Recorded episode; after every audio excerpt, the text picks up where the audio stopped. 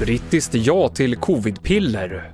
Avenyn får ansiktslyft och så har Socialdemokraterna fått en ny ordförande. Jag frågar, är kongressen redo att gå till beslut? Ja! Kan kongressen då välja till Socialdemokratiska arbetarpartiets partiordförande Magdalena Andersson som ny partiordförande? Ja! Jag noterar det som enhälligt.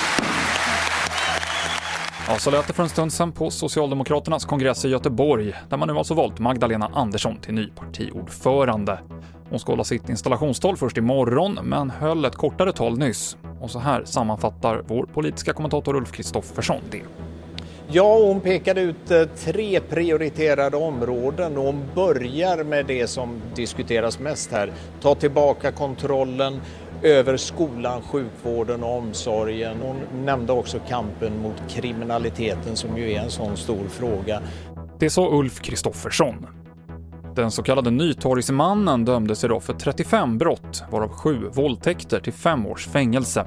Ett betydligt kortare straff än åklagaren hade yrkat på och Paula Hultgren, som varit målsägande beträde till flera av de utsatta kvinnorna, är besviken. Jag är ju eh, bestört och, och chockad måste jag säga.